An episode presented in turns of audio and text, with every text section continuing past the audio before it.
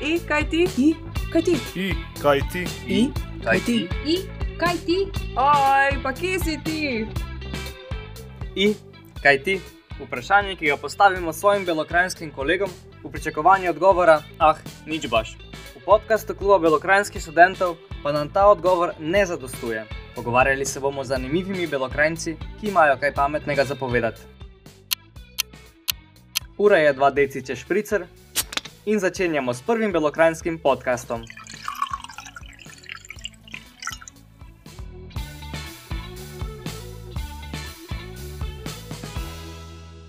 Eva, i, kaj ti? Ma nič vesela sem, da sem lahko tukaj, da se v tem prijetnem okolju pogovarjamo o temi, ki se meni zdi ful pomembna, da se o njej pogovarjamo in upam, da, se, da boste od tega kaj odnesli, da bo vam prijetno poslušati, pa da se boste morda naučili kaj novega o sebi. O kateri temi se bomo pa pogovarjali? Um, Mislim o duševnem zdravju, ker se mi zdi, da zadnje čase že nasploh veliko slišimo o tem v medijih, na socialnih mrežah in da malo razčistimo, kaj, so, kaj, kaj pomeni, kakšni so pojmi za res, um, kako skrbeti za duševno zdravje in kaj se zgodi, ko za njega ne skrbimo.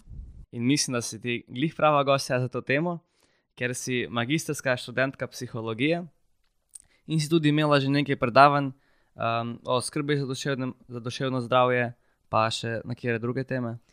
Um, tako, skrbi za duševno zdravje, pa o stigmatizaciji duševnih motenj, oziroma kako se boriti proti temu, da bi bile več tako stigmatizirane, nasplošno o duševnem zdravju mladih, pa še kaj bi se našlo. Mhm. Ja, kaj pa sploh je duševno zdravje, da to razčistimo takoj na začetku? Um, da, res je, tako sem že imela veliko se uporablja ta beseda, ampak redko kdaj se vprašamo, kaj za res to sploh pomeni. Um, ne vem, recimo, verjetno se spomnite med, epi, med epidemijo, je bil tak zelo odmeven podatek, da 89 odstotkov študentov trpi za depresijo in mhm. anksioznostjo. Um, in v bistvu ta vidik res predstavlja. Del duševnega zdravja. Torej, ali ti imaš duševno motnjo, ali pa je nimaš. Ampak um, to ni edina stvar, ki jo moramo vzeti v obzir. Torej, nekdo ni duševno zdrav, ko nima duševne motnje, ampak moramo upoštevati tudi kvaliteto življenja, ki jo imamo. Uh mhm. -huh. Torej, koliko se mi dobro počutimo, kako kvalitetno preživljamo svoj čas, koliko se družimo z drugimi, uh, kako se uspešno se soočamo z izzivi v življenju, in tako naprej. Torej, to oboje, če vzamemo prisotnost, odsotnost duševne motnje in pa kvaliteta življenja, to oboje predstavlja duševno zdravje. In zdaj. Uh mhm. -huh duševno zdravje imamo mi vsi, imamo ga vsak dan, samo odvisno je, včasih je malo boljše, včasih je malo slabše. In na to vpliva, seveda, po eni strani genetika, pa uh, naša vzgoja, pa okolje, v katerem odraščamo, pa hkrati tudi stresori, življenjske okoliščine, s katerimi se soočamo, in tako naprej. Kaj pa so duševne težave, pa duševne motnje?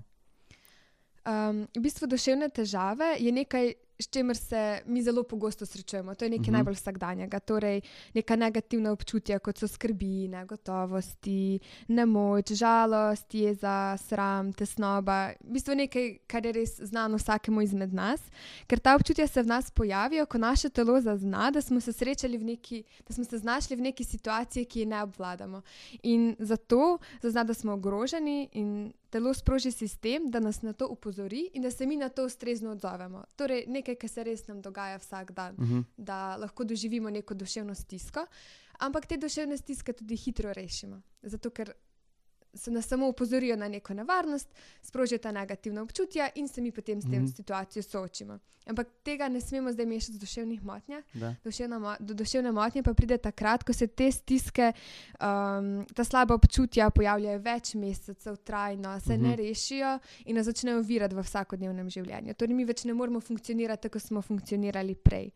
In To bi res rada povdarila, da duševnih motnj si ne diagnosticiramo sami, sploh ne z nekih testih, ki se jih uh, hitro najde na internetu. Na internetu ampak um, je potrebno, da poiščemo neko strokovno pomoč, pa pa malo bolj uh mhm. -huh. profesionalizirano ravnamo v tem primeru. Torej, v bistvu ta duševne težave so nek nagon, nek obrambni mehanizem, ki je mhm. čisto naraven. Uh, duševne motnje pa so v bistvu težave, ki se pojavljajo, torej duševne težave, ki se pojavljajo bolj redno in daljše obdobje. Tako je in nas tudi bolj um, bremenijo. Bremenijo uh mhm. -huh. in um, ne, vem, kot, ne vem, tudi ko zboliš z neko hujšo boleznijo, ne samo od sebe mine, ne? potrebuješ neka zdravila, potrebuješ Mhm. zdravljenje.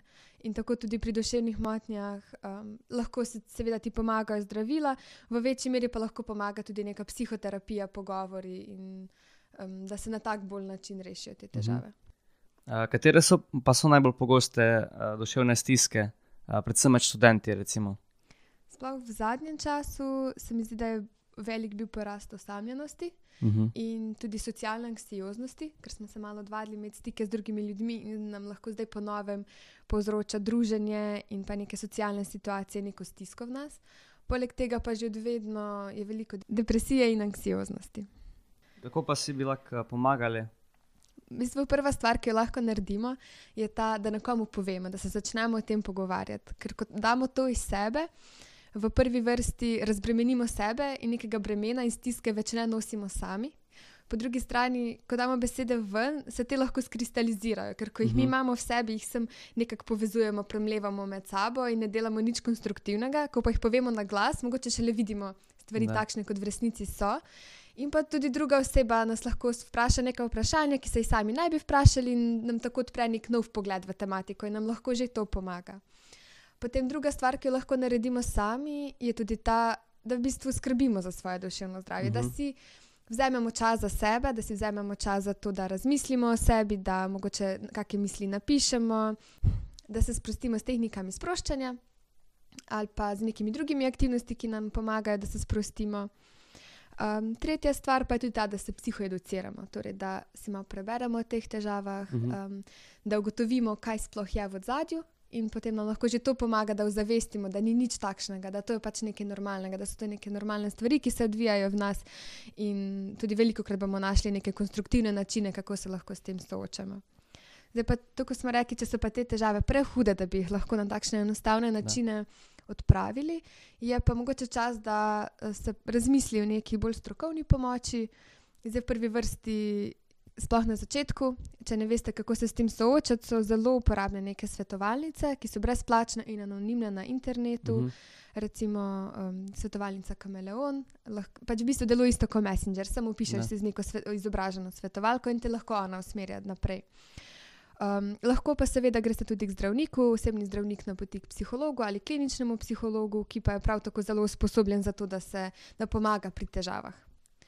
Um, lahko pa tudi, ne vem, imamo pa tudi psihiatre, sicer ne toliko v Beli krajini, Da. um, in pa tudi psihoterapeute, tudi žal ne v Beli krajini, ampak izven nje, ki prav tako um, lahko pomagajo v teh te, Mhm. pri reševanju težav. Kako pa poteka diagnoza? Um, to je samo čez pogovor, ali imaš tudi kakšne um, teste, analize? V bistvu prava diagnoza zahteva uh, baterijo testov, Mhm. uh -huh. inštrumentov, um, ki se jih reši, in potem, glede na norme v slovenski populaciji, zvrednoti in Mhm. uh -huh. se ugotovi, ali pride do nekih pomembnih odstopanj ali ne. K temu pa navadno uh, strokovnjak pridruži še nek usmerjen intervju in, te, uh Mhm. -huh. in poskuša, poskuša še preko tega dobiti več podatkov o tebi. Torej, zakaj je sploh pomembno skrbeti za svoje duševno zdravje? Da smo malo povedali, kako, zdaj pa še zakaj moramo to delati. Zdaj, v bistvu lahko ti bi sem postavila enako vprašanje, zakaj je pomembno skrbeti za fizično zdravje. Da. Da si, da si zdrav, ne? da, da se počutiš dobro, da lahko delaš stvari. Ker v bistvu stvar, ki jo se premalo zavedamo, je ta, da je duševno zdravje enako fizičnemu zdravju. Mhm. To, vse, to so vse dve komponenti iste stvari. Um, in tako kot skrbimo za fizično zdravje, da se dobro počutimo, moramo skrbeti tudi za duševno zdravje, da se bomo dobro počutili, torej, da bomo zadovoljni sami s sabo, da bomo imeli energijo, da delamo stvari, ki jih želimo, da se bomo lahko soočali s problemi, um, kvalitetno preživljali druženje in tako naprej.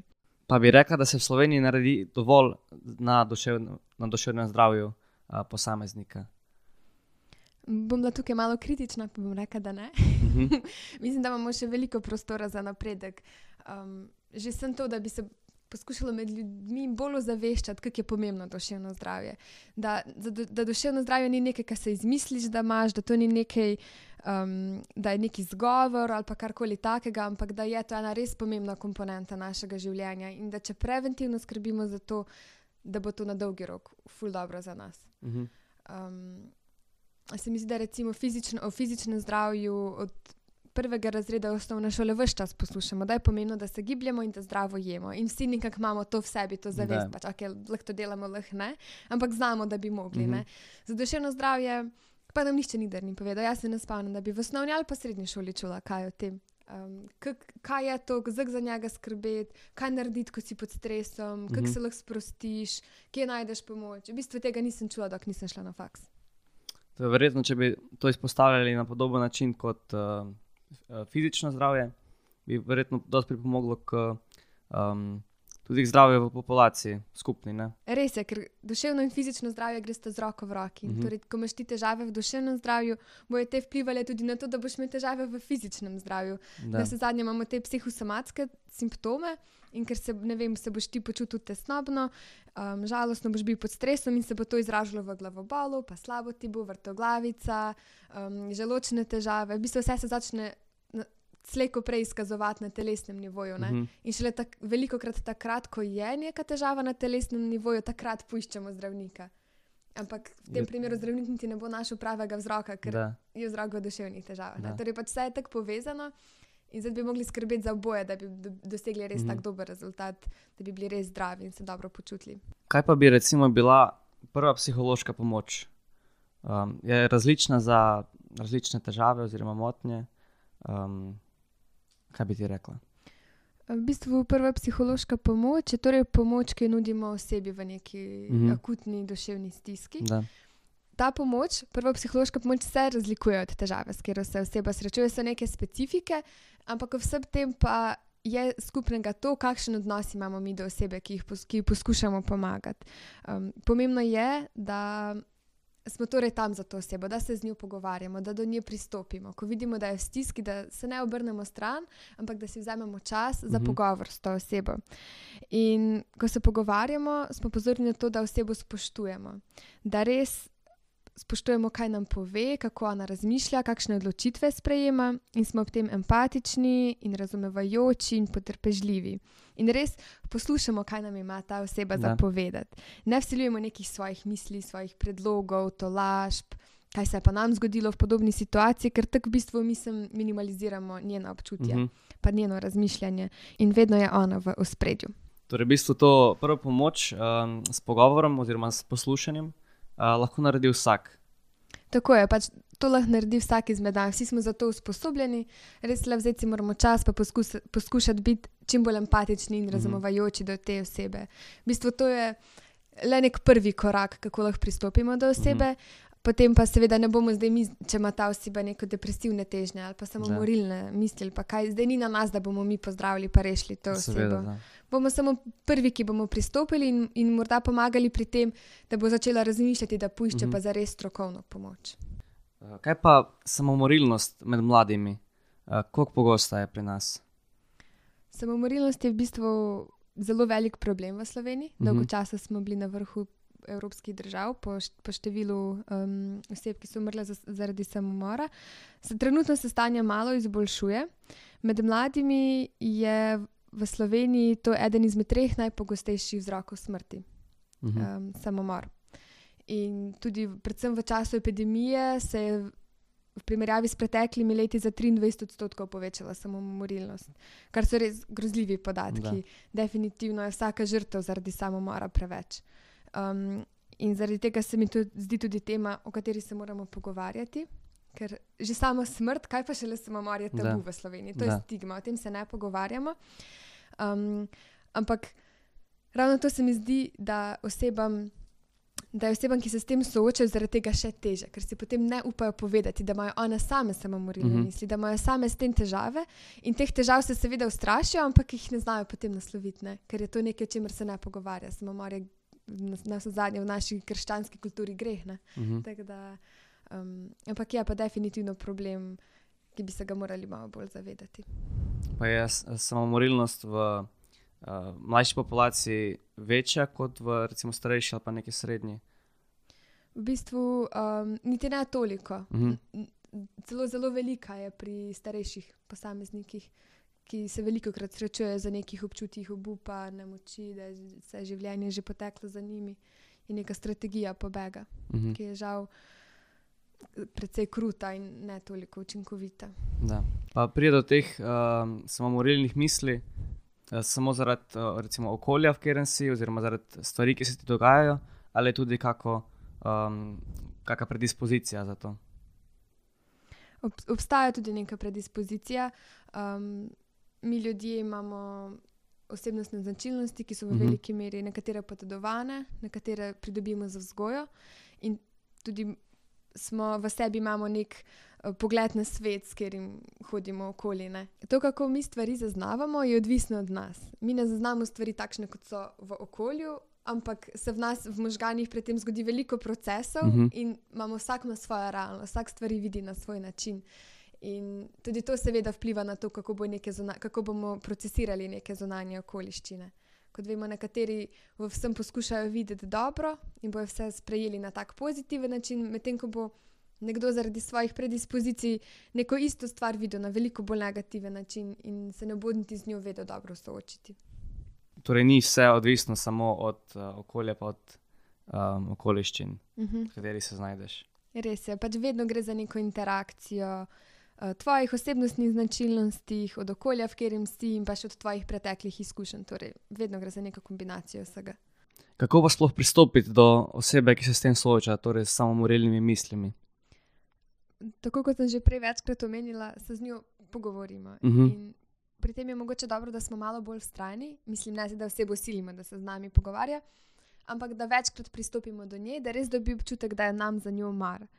In v tem pogovoru spet enako velja, da moramo biti in potrpežljivi, in mirni, in res poslušati čustva osebe in kaj ona doživlja, in ob tem ne obsojamo in pa ne vsiljujemo svojih mnenj in občutkov, ampak izražamo le sočutje in empatijo. Prav tako je pomembno, da se ne pretvarjamo, da razumemo, kaj se dogaja v njenem življenju, da razumemo ta občutka, ker najverjetneje jih ne. In to je čisto v redu, ne rabimo jih razumeti, pomembno Da. je samo, da jih spoštujemo. In še ena stvar, pogosto se v, izogibamo besedi samomor, smrt in podobno. Ker, kot sem že prej omenila, je to precej stigmatizirana stvar, o kateri bi se Mhm. pogovarjali.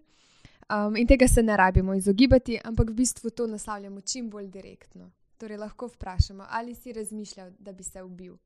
Ker s tem, tako sem že rekla, ne bomo vsadili nobenih idej v glavo druge osebe. In prav tako se ne prepiramo o tem, ali so njene misli smiselne, in pa ne zmanjšujemo njenih problemov. Recimo, da bi rekli, um, eh, se to pa res ni taka stvar, zaradi katere bi se ti mogel sekirati. Ker tako bo osebi sem še huje, sem še bolj negativna občutja boste lahko v njej vzbudili. In tudi ne vzbujamo neke krivde ali pa ji grozimo. Recimo, ja, če boš pa to naredila, si boš pa vničila življenje, boš drugim vničila življenje. In še ena stvar, ki jo v bistvu delamo vedno, ko imajo drugi ljudje težave, rečemo, eh, se bo vse v redu, vse bo vse dobro, boš ti že videl. Ker mi ne znamo, mi ne moramo znati, če bo res vse dobro. To so cenjene telažbe, prazne obljube in osebi navadno ne pomagajo. In kaj bi recimo ti na mestu tega rekla, torej na mesto vse bo v redu? Um, recimo, rekla bi, razumem, da se zdaj počutiš zelo slabo Mhm. Um, in žal mi je, da se tako počutiš. Mhm, okay. Dovolj je, da le validiramo njene čustva, njene misli, Sočustvujemo na nek način. tako da, da. Da. da se čustvujemo. Zdaj, če se pa mogoče kdo izmed vas slučajno trenutno počuti tako, um, bi rada rekla, da niste sami, Mhm. da, da lahko vam nekdo pomaga in da naj vas ne bo strah poiskati pomoči. Ker so te težave res rešljive, le če se na tak nek konstruktiven način soočimo z njimi. Mhm. In naj vas ne bo strah res nekomu povedati, poiskati neke pomoči, tako kot sem rekla, lahko popolnoma anonimno. Um, in verjamem, da vam lahko uspe prebroditi te težave. Ko prideš uh, komu na obisk, kako zidanco recimo, uh, pa ti ponudi kako vino in reče, kaj boš črno ali belo, in se moraš odločiti. Isto bomo mi zdaj naredili. Ja, ti bom dal dve možnosti, ti se pa mogla za eno odločiti. Okay. Tako da pa začnimo. Um, črno ali belo vino? Belo. Belo. Za špricer, ok. Morje ali gore? Uh, morje. Okay. Ovce ali koze? Ovce, bolj so mehke. Ja, okay, da, dejansko. Uh, jutro ali večer?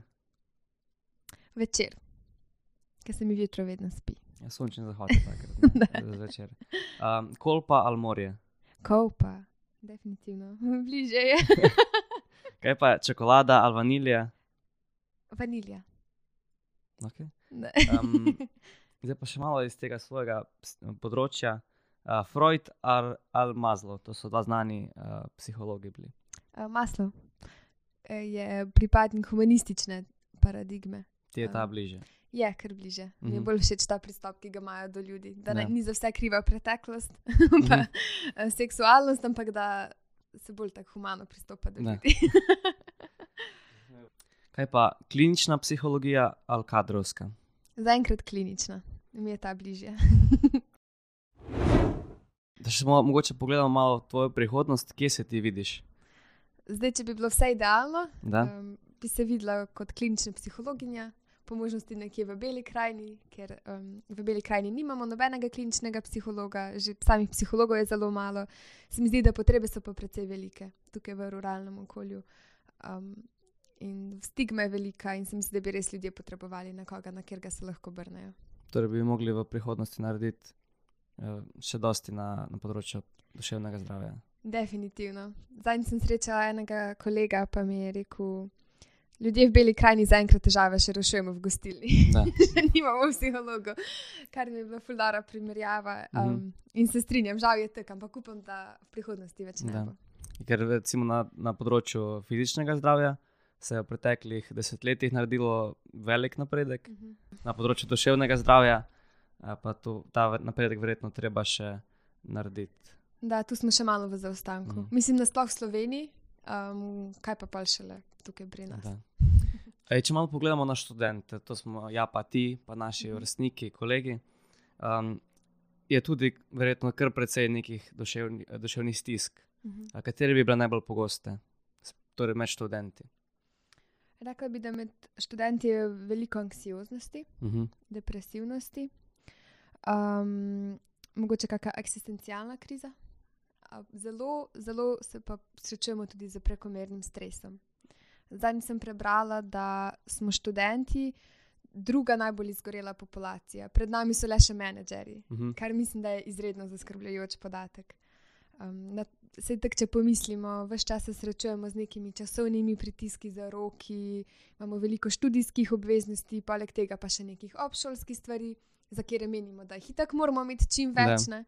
Um, poleg tega je marsikdo se sooča z negotovostjo, ne ve, kaj bo po faksu, ne ve, če bo sploh imel službo, nekateri tudi z težavami z dohodkom. In se mi zdi, da smo res v taki nejasni, ampak hkrati obremenjujoči situaciji. Kaj pa sploh je stres? Zakaj pride do stresa? Mm, Stres je v bistvu nek tak čisto normalen in funkcionalen odziv našega telesa, mm -hmm. ko se srečamo z neko nevarnostjo ali pa grožnjo. Ko naše telo zazna, da smo v nevarnosti ali pa da smo ogroženi, pa naj bo to resnično ali pa le v naših mislih, naše telo začne bolj intenzivno delovati, začne, se- začnejo sprožiti hormoni, dobimo več energije, da smo pripravljeni na to, da se bomo s to nevarnostjo soočili. In to je torej, kot sem rekla, nekaj čisto normalnega. Problem pa nastane, recimo v naši situaciji, ko je stresa veliko, ko stresa ni konec in je stalen, in to potem vodi v to izgorelost. Mhm.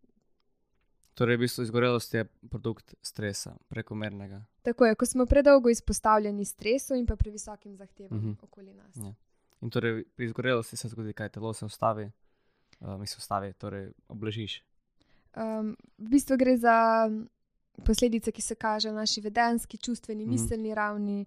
Torej, tako kot si rekel, pač postanemo izčrpani. Da. Um, težko se stanemo iz postelje, težko se lotimo delati stvari. Um, imamo neke te telesne simptome, da nas boli trebuh, da nas boli Mhm. mhm. glava, da nam je slabo. Hkrati težko izražamo čustva, kot čustveno otopeli, izčrpani smo. Težko po- posvečamo pozornost drugim ljudem. Morda celo druge ljudi vidimo le kot neke predmete, ne vidimo jih več kot človeke, ker enostavno nimamo energije za to. Hkrati pa smo frustrirani in izgubimo veselje za delo okoli nas. V bistvu je tako res cel nabor nekih simptomov, ki kaže na to, da smo Da. izgoreli. Kako se pa najlažje soočaš s stresom? Um, na, prva stvar je, mogoče, da prepoznamo, kaj nam povzroča stres. Da Mhm. vidimo, kaj so te stvari, zaradi katerih se mi počutimo preobremenjeni in pod stresom, in da razmislimo o tem, kako bi jih lahko zmanjšali ali pa se jih mogoče izognili. Ne vem, če je neka obšudijska dejavnost, ki vam povzroča veliko stresa, to moramo prepoznati in jo mogoče žal dati na stran. Um, poleg tega moramo upoštevati svoje zmožnosti. Imamo, veliko krat imamo neka prepričanja, kako bi mogli naš dan izgledati, kako, kaj vse bi mi mogli ob določeni starosti doseči, ampak to ni za vsakega izmed nas. Mi smo si res tako različni, da ne obstaja neka ena pot, po kateri bi vsi morali iti. In moramo mi najti to svojo pot za sebe in prepoznati, kaj mi zmoremo, kaj pa mogoče ne. In naj to, to ne rej pol delajo drugi. Uh, še ena stvar je pa ta, ki smo jo mogoče že omenili, torej da poskrbimo za svoje duševno zdravje, da si Mhm. vzamemo čas zase. In da si ne vzamemo čas zase enkrat, ne vem, na dva tedna, pet minut, ko bomo imeli luknjo v urniku, ampak da to prioritiziramo, da to delamo redno, da si vedno poskušamo vzeti tudi čas zase. Mhm. Če si lahko vzamemo za vse druge stvari, si moramo vzeti tudi zase, da se sprostimo, da delamo stvari, v katerih mi uživamo. In tako v bistvu razbremenimo naše telo, naše misli in si naberemo energijo, da se bomo lažje soočali s stresnimi stvarmi. Uh, Študentska leta pa so tudi čas, um, v, katerih smo, v katerih iščemo partnerja za prihodnost, torej iščemo svojo ljubezen. Um, kako na to podobo našega partnerja oziroma naše zveze, če tako rečem, um, vplivajo mediji? Mislim, da imajo mediji izredno velik vpliv. Mhm. Mm, Verjetno je večina izmed vas poslušala psihologijo v srednji šoli, kjer je bila ena taka teorija Bandure, ki je rekla, da se učimo tudi iz opazovanja modela. Mhm.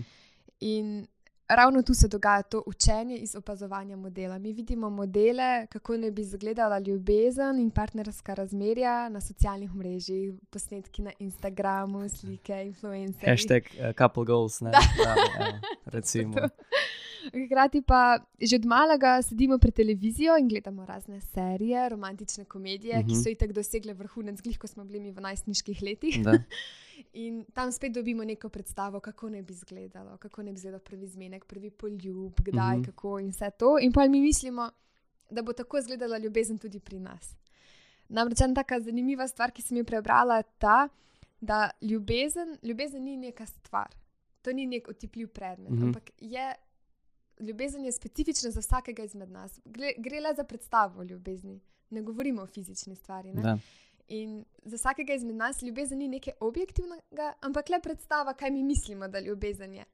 In torej mi iz teh medijev dobimo predstavo, kakšna je bi ljubezen bila, in potem posledično iščemo partnerja, ki bo tej predstavi ustrezal. Ne? Mhm. In zato je pomembno, da je ta naša predstava funkcionalna. Da, da ne mislimo, da bo izgledala tako, kot izgleda v neki tipični romantični komediji, ampak da je ljubezen polna vzponov in pacov, in da se partner ne bo vedno potrudil za nas, da ne bo Da. mogel imeti vedno, nam ne bo bral misli, Mhm. a, da ne bo mogoče niti ljubezen na prvi pogled ali kaj Da. takšnega, ampak da je res potrebno velikega truda, veliko komunikacije. In, Mhm.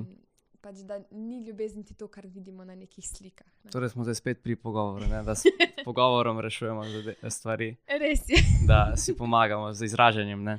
Tako je, res je pogovor je izredno pomemben. Mhm. Misliš, da posledica vpliva medijev tudi v tem, da uh, smo nekako bolj, so te zveze bolj nekako prehodne, da, da se hitreje menjamo partnere. Ja, mislim, da lahko to tudi je pri nekaterih Mhm. posameznikih posledica, zato ker zveza, ki jo imajo, ne izpolni teh pričakovanj, ki so si jih zadali. In zaradi tega potem partnerje pustijo in iščejo nekoga, ki pa bo tem pričakovanjem ustrezal. Mhm. Se jim lažje zdi uh, v bistvu zamenjati partnera, kot pa delati na, na reševanju težav uh, z trenutnim ali pa prejšnjim. To je res, da to je, to je ful dobro pomislek v Mhm. resnici. Mm -hmm. Se mi zdi, da sploh, če smo vajeni, da je vse tako, kot smo si zamislili, in se nismo vajeni potruditi za stvari, ki bi jih radi imeli, je definitivno lažje zamenjati nekaj kot pa Da, to je ta um, potrošniška. da logika. potrošniška logika. Da, če staro ne dela, kupiš novo. Tako je. Tako da pač ta menjava. Mo- Mogoče to res tudi pač ta um, povezano s tem, z modernimi odnosi. Recimo. Mhm. Je mogoče ta možnost um, neprestane oziroma uh, instantne komunikacije razvrednotila um, ta fizičen stik, torej osebno komunikacijo, direktno iz oči v oči. Se mi zdi, da je odgovor da, iz tega vidika, da res pogosteje se začnemo pogovarjati le preko socialnih omrežij Mhm. mhm. oziroma le preko telefonov. Čeprav kljub temu pa bi bilo za nas še skozi boljše, da se mi pogovarjamo Mhm. mhm. v živo, ker mi ne moremo nadomestiti, oziroma komunikacija preko telefona ne more biti enaka pristnemu stiku v živo. Da. Ker preko telefona mi slišimo le neke verbalne besede, medtem ko je v komunikaciji toliko več naši neverbalni um, naši neverbalni znaki, naša neverbalna komunikacija, na zadnje pa tudi nek dotik, neka Mhm. mm -hmm. občutek bližine, ki tega telefon Da. ne more dati. Ja, da. Tako da, ja, glede na količino je mogoče nadomestila, Mhm. ampak ni pa nadomestila po tem učinku, ki bi ga Da. mogla imeti. Um, zato, da se navežem še na to razvrednotenje, Uh -huh. se mi zdi, da tudi ta um, spletna komunikacija spremenila način, uh, to je spremenila pričakovanja komunikacije. Torej, da si ti uh, odziven konst, Mhm. uh -huh. na, pač ob katerem času, uh Uh -huh. uh, da si dosegljiv, medtem ko recimo pred, uh, pred to dobo internetno oziroma telefonije, uh, si se mogel, mogoče enkrat na dan si imel priložnost komunicirati z nekom in um, si si mogel takrat vzeti dosti več časa pa pozornosti. To je res, da. In to spet lahko, če se vrnemo nazaj na stres, ne? to je tudi en dejavnik stresa, mm Mhm. -hmm. da ti misliš, da moraš biti vse čas dostopen drugim in Da. si ne vzameš časa za sebe, da bi se odklopil od telefona in rekel, ok, zdaj sem pa res ja, ne, mm Mhm. -hmm. ne rabim biti vse čas povezan z vsemi ljudmi Da. okoli sebe. Da, dejansko. Um, če se malo še navežemo na, na partnerska razmerja, Mhm. kaj pa recimo ljubosumje? Um, med, torej, ljubosumje med mladimi, med študenti. Bi mi znala o tem kaj povedati? Um, v bistvu meni je ljubosumje taka zelo fascinantna tema, Mhm. ker se mi zdi, da je res, sploh če povežemo s tem, ki smo imeli prej, torej s socialnih omrežjih. Na socialnih, socialna omrežja se mi zdi, da so med drugim vplivala na, na partnerska razmerja, torej ne le preko te predstave, o kateri sem pregovorila, ampak tudi na povečan obseg ljubosumja. Ker mi imamo, ker imamo preko socialnih omrežij dostop do mnogih informacij, ki so nerecenzirane. Recimo, predvsem, ko imamo partnerja in je on valjda imel neke bivše partnerje in te informacije o njegovi bivši zvezi so na internetu, so na spletu in mi jih vidimo in ki so neulepšane, ne? so takšne, kot pač so, oziroma Da. celo couple goals predstavljene. Ne? Mhm. In to, po drugi strani, pa seveda gre za lajkanje slik, pa komentiranje slik drug, pač, um, osebi druge nasprotnega spola, pa pošiljanje snapov po Snapchatu in tako naprej. Torej, veliko več je tega kontakta z osebami nasprotnega spola, in ki je veliko bolj javen. Recimo, se seveda se lahko partner pogovarja z osebami nasprotnega spola na ulici, ampak tega Mhm. ne vidijo vsi. Ne? Da. Na Instagramu pa vidijo to vsi in vidiš tudi ti. Je tudi evidenca tega. Ne? Tako je evidenca tega. In lahko veliko v večji meri vpliva na ta pojav ljubosumja, ker je vse tako dostopno, vse te Mhm. informacije. Um, in se mi zdi, da mogoče res je v današnjem svetu se hitreje mogoče pride do tega Ja. ljubosumja in hkrati tudi manj služi te funkcije, zaradi katere Mhm. sploh obstaja. Ljubosumje ima v bistvu evolucijsko funkcijo. Je izhajalo iz tega, da si ti pokazal partnerju, da ti je zanj mar, Mhm. Mhm. da si ti ljudem okoli sebe pokazal, da to je pa naša zveza, ne? to nimate vi kaj delati. Ampak zdaj, dan danes, pa se mi zdi, da se ta funkcija malo, malo izgublja, mm Mhm. -hmm. ji več ne služi. In to, to lahko potem res nekonstruktivno vpliva na razmerje. Recimo, ne, ne, da, torej, kot si rekla, ne, ne pripomore k napredovanju razmer oziroma odnosu, ampak dejansko je pač samo neko oblika neke kontrole nad svojim mm. Mm. partnerjem. Ne? Tako je. Kar da. pa v bistvu ni v redu, rabi svobodo, moraš imeti svobodo. v bistvu večina mladih poroča o tem, da so manipulirani Da. v razmerju, ravno zaradi tega občutka ljubosumja Mhm. Na socialnih omrežjih. Da. Eh, Recimo, da, da njihovi partnerji um, kontrolirajo njihova sporočila, njihove lajke, všečke, in da je posledica tega pogosto tudi neko nasilje, tako verbalno kot fizično. Mhm. In to, se, de, to definitivno ni v redu. Zdaj, ko si omenila to nasilje, um, koliko je pa to, kar med mladimi pogosto, tako verbalno kot, uh, kot fizično? So kakšni podatki za to? Trenutnih podatkov sicer zdaj nimam, bi mogla malo pogledati, ampak smo se pa na faksu in tudi na enem izmed nedavnih projektov pogovarjali o tem, da se je nasilje med epidemijo v bistvu zelo povečalo in je postalo res tak problem, predvsem nasilje v družini, Mhm. ko so bili ljudje zaprti v, za štirimi stenami. Poleg tega pa se tudi mladi veliko soočajo z medvrstniškim nasiljem, um, ker so tudi v bistvu zelo, zelo ogromen delež mladih je bilo žrtev medvrstniškega nasilja. In to se v bistvu, z, ko smo mlajši, se to bolj kaže z nekim fizičnim nasiljem, pa mogoče verbalnim, ampak starejši kot smo, bolj prihaja do verbalnega nasilja in pa odnosnega nasilja. Mhm. Torej, da druge osebe namerno izločamo iz neke družbe, da, njih, da jih ogovarjamo, da v njih širimo lažne govorice. In se mi zdi, da s tem se še študenti in seveda dijaki zelo veliko soočamo. Um, in tudi to ima lahko zelo negativne posledice za naše duševno zdravje. Bi rekel, da je več fizičnega ali verbalnega nasilja. Verbalnega, definitivno. Sploh, ko smo malo starejši, ko vemo, da se fizično nasilje hitro vidi navzven. Da. In tudi že imamo nek, večina ima neko toliko samokontrole, da se bo zadržala za fizičnim nasiljem, ampak verbalno pa vseeno brez kakršnih koli Mhm, Brez zadržkov. omejitev, da, sam, sam gazi. Kar pa ni najbolj verjetno, ker ni najbolj fajn. Ne? Ne, ima v bistvu lahko še hujše posledice kot mm -hmm. fizično nasilje.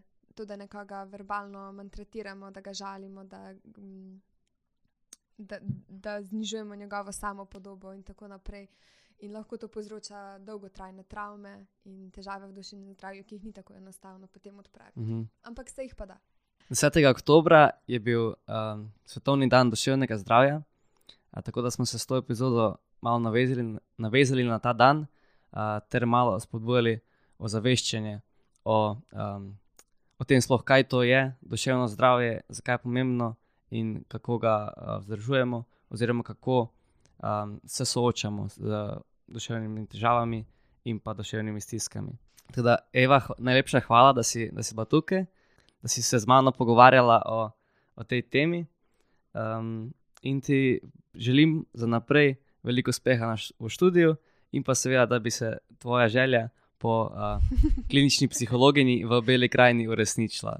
In mislim, da te bomo tudi vsi veseli, in pa seveda, da si doprinesla za uh, duševno zdravje belokrajincev. Uh, hvala, Blaž, za te lepe besede in pa seveda za povabilo, da si mi dal priložnost, da sem lahko govorila o tej temi. Um, in, pa vsem, in pa upam, da ste tega kaj odnesli, da boste se o tem lažje mogoče kdaj pogovarjali in skrbeli tako za svoje duševno zdravje. In pa srečno še naprej v podkastu. Hvala. Hvala, da si poslušal naš podcast, pa se čujemo še kaj naslednji mesec. Ajde, bog.